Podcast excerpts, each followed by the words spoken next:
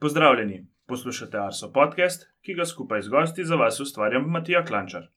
V prejšnji epizodi je bil moj gost Brane Gregorčič, s katerim sva se pogovarjala o delu dežurnega meteorologa. Vabljeni pa tudi k poslušanju preteklih epizod, ki jih najdete na naši spletni strani. Najdete nas tudi na družabnih omrežjih, na Twitter profilu MeteoSi in Facebook strani Arso Vreme, kjer nam lahko pustite kakšen komentar. V veliko pomoč pri širjenju naše besede so tudi ocene na Apple Podcasts. Vse komentarje, pripombe in predloge pa nam lahko sporočite na elektronski naslov podcast.arso.afnago.si.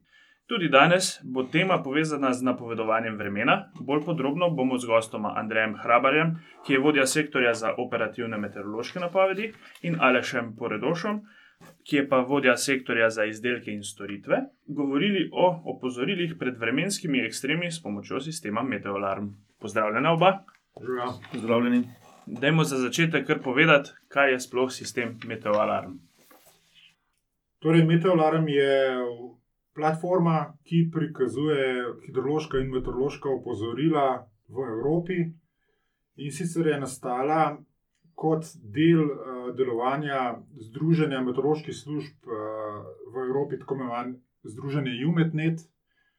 Uh, na, tej, na tej platformi pa se z enostavnimi barvnimi opozorili poskuša prikazati prve informacije o stopni vremenske ogroženosti. Kdaj se je pa ta projekt sploh pričel v Evropi, pa mogoče tudi kako dolgo časa Slovenija sodeluje v tem projektu? Ja, sam projekt je v bistvu v drugi fazi. Nekako, no. Začel se je z enim bolj regionalnim projektom, imenovanim Meteorisk, ki je nastal ravno v tej regiji, Alpski regiji. Sodelovali so uh, države Avstrija, pa nekatere pokrajine Nemčije, Švice, Severne Italije in pa tudi Slovenija. No, in ta uh, projekt Meteorisk uh, je prerastel nekako v vse evropsko platformo. Eh, sam Meteolarm uh, je bil vzpostavljen uh, leta 2006, operativno pa je začel delovati leta 2007. Slovenija pa se je tej platformi pridružila leta 2008, se pravi, mineva zdaj 10 let. Gremo že v 11. leto. Ja, v 11. letu smo. Ja. Koliko je pa drugač držav vključenih v ta projekt trenutno? Trenutno sodeluje 37 državnih meteoroloških in hidroloških služb. Praktično je, geografsko gledano pokrita cela Evropa, razen Albanije, Belorusije in pa mislim, da Ukrajina ne sodeluje. Uh, se je pa projektu pridružil tudi Izrael. Trenutno jih je 37, ne, ki dostavljajo 37 državnih meteoroloških in hidroloških služb, nacionalnih služb, ki dostavljajo opozorila, nekako razdeljena v te štiri barvne uh, razrede. Od uh, teh jih 34, recimo, uh, dostavlja tudi opozorilne tekste, 29 uh, angliško opozorilno informacijo zraven, 11 jih uh, dostavlja tudi opozorila za poplave in hipne poplave, oziroma hudourniške poplave, 18 uh, pa. Uh, tako imenovane impact oriented warnings po angliško, ne se pravi opozorila, ki so usmerjene na opis možnih eh, učinkov oziroma vplivov. Ali až dotaknil se, si se že, če se lahko, uh, v bistvu, na kaj vse lahko opozarjamo z meteorologom. Zdaj pa mogoče, res, mogoče tudi, če se usmerimo tudi na Slovenijo, na kaj vse pa opozarjamo tukaj pri nas. Eh, v meteorologu se opozarja trenutno na 12 tako imenovanih meteoroloških parametrov, oziroma vremenskih spremenljivk, ki grejo vse od neviht, dežja, močnega vetra, megle, visokih, nizkih temperatur, obaljnih dogodkov, gozdnih požarov, snežnih plazov in potem teh poplav, oziroma hudurniških poplav. V naslednji fazi se pričakuje, da bodo zraven tudi eh, še kakšni dodatni parametri, kot eh, zna biti suša ali eh, drugačne oblike vem, onesnaženja zraka ali kakovosti zraka in podobno. Um, Slovenija opozarja trenutno na 10, skratka, praktično na vse te parametre, uh, z izjemo trenutno poplav, se pa tudi na to pripravljamo, oziroma naši kolegi hidrologi pripravljajo stvari za poplavna opozorila. Za, verjetno imamo Slovenijo razdeljeno na nekaj uh, območij. To, kako je v bistvu Slovenija razdeljena in pa za koliko območij v Sloveniji se izdaja opozorilo. Recimo. Slovenija je trenutno razdeljena na pet območij, um, ki so nekako geografsko razporejene: severozahodno, severovzhodno, srednjo, jugovzhodno, jugozahodno in pa. V zadnjih letih smo začeli uh, pripravljati pozorila tudi za naš kon, na koncu, konec morja, ne? se pravi tudi za uh, samo morje. Se pravi 5 plus 1, no, če moramo reči, 6 območij. Uh, območja so nekako določena glede na klimatološke značilnosti. V prvi fazi je bilo tako, čeprav vemo, da niso čisto ne sledijo vsem vremenskim dogodkom, ampak Uh, gre za nek kompromis med, uh, med, možne, med našimi možnostmi in pa uh, dejanskimi dogodki, ki se jim zgodijo. No. Pa se potem, recimo, meje za opozorila za posamezne regije so iste ali se kaj razlikujejo med sabo? Ne, sprav, mejne vrednosti za opozarjanje so nekako odvisne od uh, klimatoloških značilnosti podnebja. Ne. Se to so dokaj znane stvari, da recimo neka močna burja na primorskem eh, ne povzroča toliko eh, škode, kot bi veter z enakimi hitrostmi recimo, povzročal eh, škodo nekje na Gorenskem ali pa recimo vem, ravno obratno je pa recimo obilne snežne padavine. Nekje na primorskem bi bile mnogo bolj, če temu tako rečem, potencijalno nevarne, kot pa na Gorenskem. Zato se glede na regijo določajo mejne vrednosti uh, in, so, in so za vsako regijo različne. Mhm. Torej, za posamezen parameter uh, je poleg te klimatologije poprečnega vremena tudi uh, nekako upoštevan, saj delno uh, v bistvu ranljivost oziroma občutljivost območja za, za, za tisto pojav. Ne? Prej ste že omenjali neko barvno lestvico tega sistema Meteolarm. Katere stopne te barvne lestvice poznamo in pa v bistvu kaj uh, je glavni poudarek vsake te stopnje. V bistvu barva lesica se sestavlja iz štirih barv. So, to so te tipične semaforske barve, ki so jasno razumljive praktično vsakemu prebivalcu. Ravno zaradi tega so uporabljene te štiri barve, ne zelena pomeni, da ni nič posebnega, ne. rumena barva pomeni, bodite pozorni. pozorni. Uh, Ražna pomeni, bodite pripravljeni, rdeča pa pomeni, ukrepajte. To in, to, in v bistvu tako je treba te barve tudi razumeti. Uh -huh. uh, večkrat, recimo, tudi slišimo v javnosti nek alarm ali pa nekaj nam že vzbudi ta beseda alarm v nas. Zdaj pa je mogoče na tem mestu dobro uh, poudariti to razliko med stopnjo ogroženosti in alarmom. Ja, ta alarm se je, ti bi lahko rekel, da se je izgubil uh, s pravodom. Zato, ker govorimo o meteoalarmu, ampak alarmiranje kot tako, pač uh, zato ni pristojna državna meteorološka služba ne, oziroma državna hidrološka služba. Alarmiranje um, so druge inštitucije, nas, ki alarmirajo prebivalstvo. Uh, mi pa v bistvu določamo stopnjo vremenske ogroženosti. Zato, ker živimo verjetnost na svetu, ne, mi, mi začnemo opozarjati, ko obstaja dovolj velika verjetnost, da bo prišlo do meteorološkega pojava, ki bo po povzročil neke posledice na nekem določenem območju. In takrat izdamo neko stopnjo vremenske ogroženosti.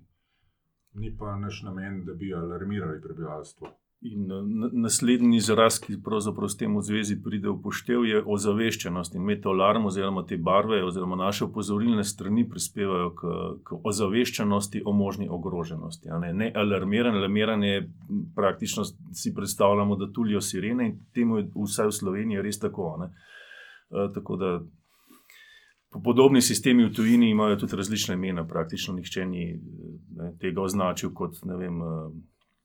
Alar, alarmiranje meteorološko kot tako. Ne. Franci temu pravijo, recimo, vigilance ne, in eh, podobno. No, tako, da, gre za ozaveščenost, dviganje ozaveščenosti.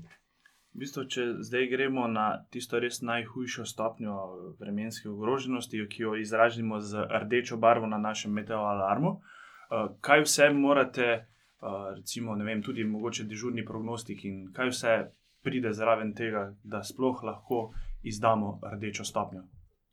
Zdaj, pred, seveda, priprave na tak dogodek se začnejo že nekaj dni pred, pred predvidenim samim dogodkom. Ne, zdaj, um, kadar se obstaja zelo velika verjetnost, da bo prišlo do uh, nekega ekstremnega vremenskega dogodka, pač uh, uh, stopimo iz nekega normalnega, uh, dnevnega, rutinskega dela v eno tako višjo stopnjo pripravljenosti, tudi na, tukaj na Arso. Ne organiziramo nekako posebno delovno skupino, oziroma tako operativno skupino, ki um, pred dogodkom in v času dogodka nekako uh, bdi nad dogajanjem in uh, sproti poskuša slediti razvojem dogodkov in ustrezno uh, obveščati, predvsem predstojne službe na tem področju, in pa seveda tudi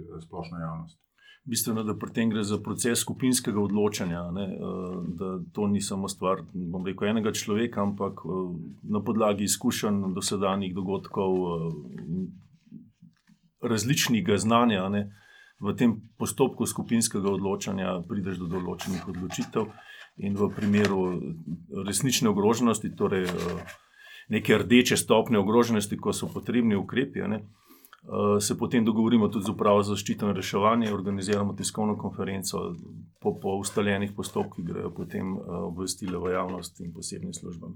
No, hoče zato povedati, da eh, svere pred kamerami ponovadi stoji en meteorolog ali pa en hidrolog, ne, ampak za, za, za tem glasnikom našim je seveda cel tim ljudi, ki pripravlja ta opozorila oziroma obvestila lahko mogoče na tem mestu kaj povemo o uspešnosti uh, izdajanja te rdeče stopnje ogroženosti, oziroma pač rdeče barve na metov alarmu.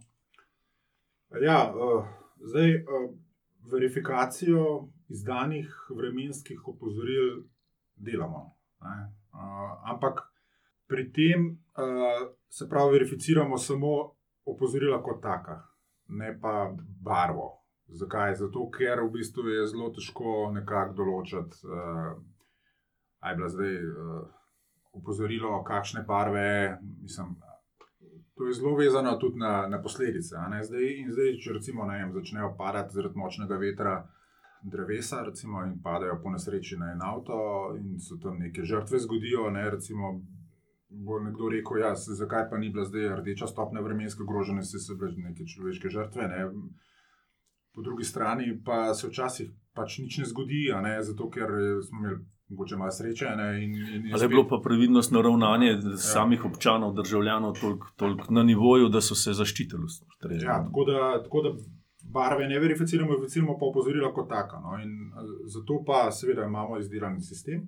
Zdaj, tukaj statistično je zadeva matematično malo bolj komplicirana, no? ni čisto enostavno to, zato ker v bistvu gre za redke dogodke. Če, zdaj, če, če tako povemo, na letnem nivoju izdamo okrog 40 vremenskih opozoril. Um, dni v letu je pa 365. Ne? Zdaj, svede, od tega so opozorila niso samo za en pojav, ampak so za različne. In verificiramo napovedi, recimo za močan veter, za neurja, za poplave, za nekaj snežne plazove in tako naprej. In potem ugotovi, hitro ugotovimo, da je teh dogodkov relativno na letnem nivoju malo, ne, za posamezen parameter, recimo par, ne, recimo 5-6, recimo za kakšno burjo ali kitajski močen veter. Na 365 dni in so to redki dogodki, in zdaj le neko ne Gaussov krivuljo ne moramo vleči, ne, ker je, zato uporabljamo druge metode. Ne, a, neko matrično tabelo naredimo in potem na podlagi take matrične tabele uh, izračunamo statistiko teh redkih dogodkov. No. Seveda, nisem odgovoril na, na, na tvoje vprašanje. Ne. Tako nekako, no. zdaj ne bom šel v podrobnosti, ampak nekako količnik je 0,8, kar pomeni, da je nekako 80% naših opozoril povezanih z nekim škodnim dogodkom. Ne.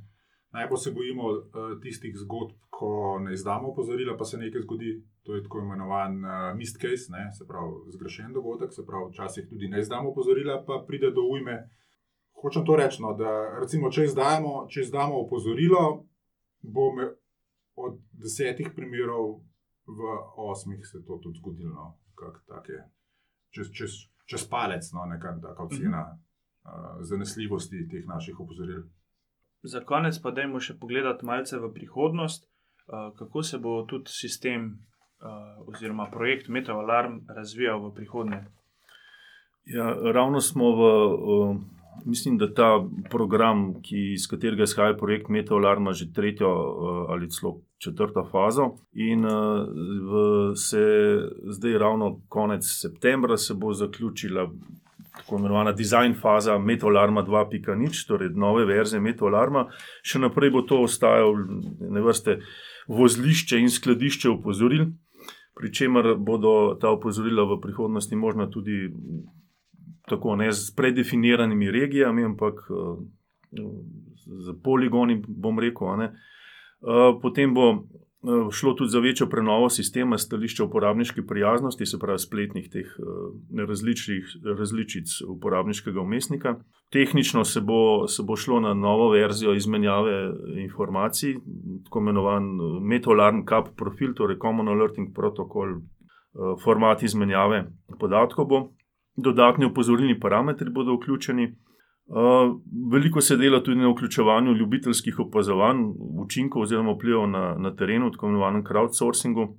Uh, namen Metolarma je pa, pač tudi še naprej podpreti člane UMETNET-a, se pravi državne meteorološke službe v Evropi, pri zagotavljanju teh večjezičnih in preprosto razumljivih opozoril, ki so v prihodnosti ne bi bila predvsem usmerjena na učinke, ne zgolj na, na meteorološke neke spremenljivke, ne, ampak na to, kaj to potem dejansko v naravi lahko pomeni. Uh, uh, in kako ravnati. Uh, hkrati pač Metolarm ponuja oziroma omogoča globalni prenos znanja na, na regionalne opozorilne platforme ter graditev opozorilnih, bomo rekli, skupnosti, ne community building.